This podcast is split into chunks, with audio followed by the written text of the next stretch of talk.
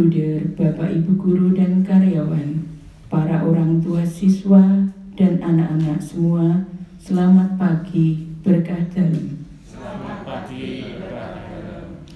Marilah sebelum kita memulai aktivitas hari ini, kita awali dengan berdoa bersama. Allah adalah kasih.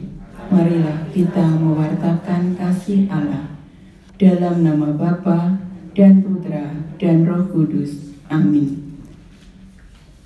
Allah Bapa kami yang Maha Kasih, kami panjatkan terima kasih kepadamu atas penyertaan dan pendampinganmu, sehingga di pagi hari yang cerah ini kami dapat memulai aktivitas kami dengan penuh semangat. Bapa, berilah kami semua rahmat kesehatan, kedamaian, dan kebahagiaan. Kami juga berdoa untuk Bulita yang hari ini merayakan ulang tahun. Semoga Bulita engkau berikan panjang umur, sehat, dan kebahagiaan. Doa ini kami sampaikan dengan perantaraan Kristus Tuhan kami. Amin. Marilah kita dengarkan bacaan Injil. Bacaan Injil diambil dari Injil Lukas bab 11 ayat 29 sampai 32. Sekali peristiwa, Yesus berbicara kepada banyak orang yang mengerumuni dia. Angkatan ini adalah angkatan yang jahat.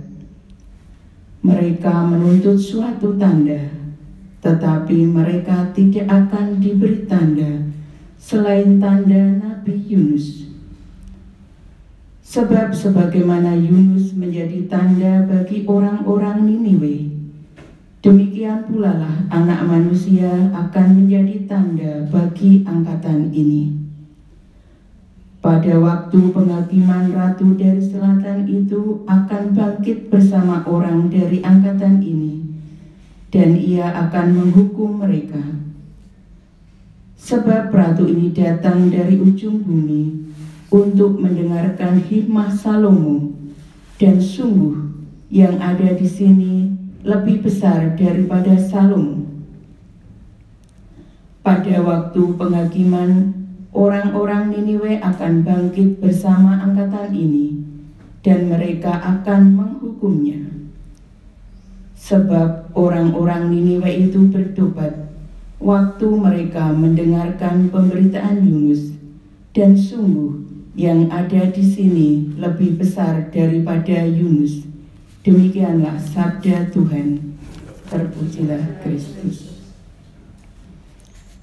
Bruder, Bapak, Ibu, dan anak-anak sekalian, pertobatan merupakan sebuah kata yang sangat sering kita dengar, sangat familiar, dan sekaligus menjadi perintah yang sering disebut dalam kitab suci untuk dijalankan oleh umat manusia. Perintah ini gampang untuk diucapkan, tetapi tak mudah untuk dilaksanakan. Pertobatan di satu sisi merupakan pilihan kita, tetapi di sisi lain merupakan karunia Allah berkat tuntunan Roh Kudus. Nabi Yunus diutus Tuhan untuk mewartakan pertobatan kepada orang-orang Niniwe. Seruan pertobatan itu sampai pada raja, maka seluruh kota diperintahkan untuk bertobat. Bahkan raja membuat proklamasi agar mereka semua orang Niniwe berpuasa dan memakai pakaian berkabung.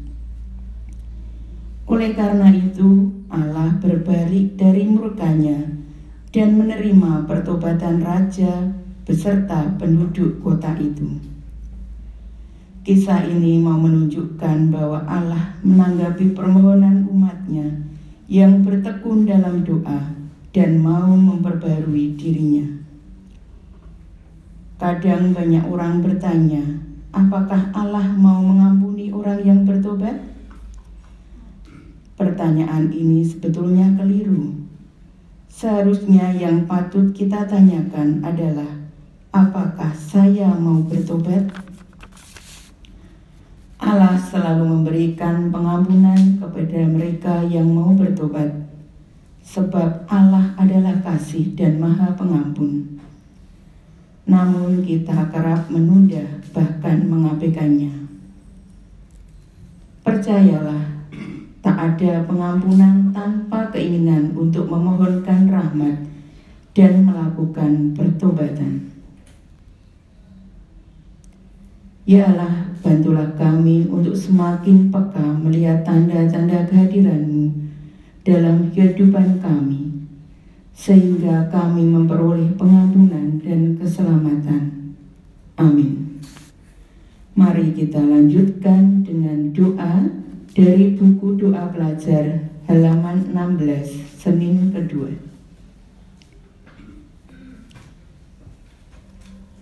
Allah yang maha bijaksana kebijaksanaanmu telah membimbing kami untuk memasuki terang dan hari baru ini. Kami bersyukur kepadamu karena rahmat kebijaksanaanmu itu.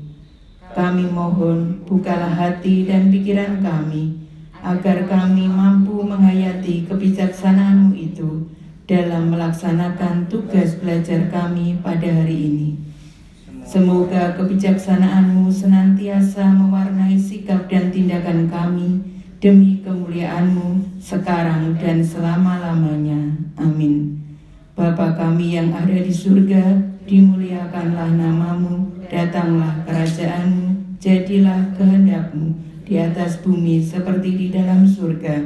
Berilah kami rezeki pada hari ini dan ampunilah kesalahan kami seperti kami pun mengampuni yang bersalah kepada kami dan janganlah masukkan kami ke dalam pencobaan tetapi bebaskanlah kami dari yang jahat. Amin.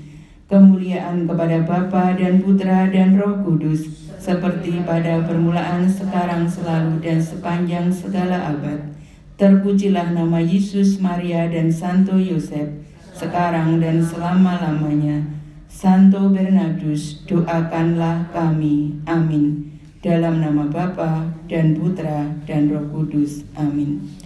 Terima kasih, selamat pagi, selamat beraktivitas, Tuhan memberkati.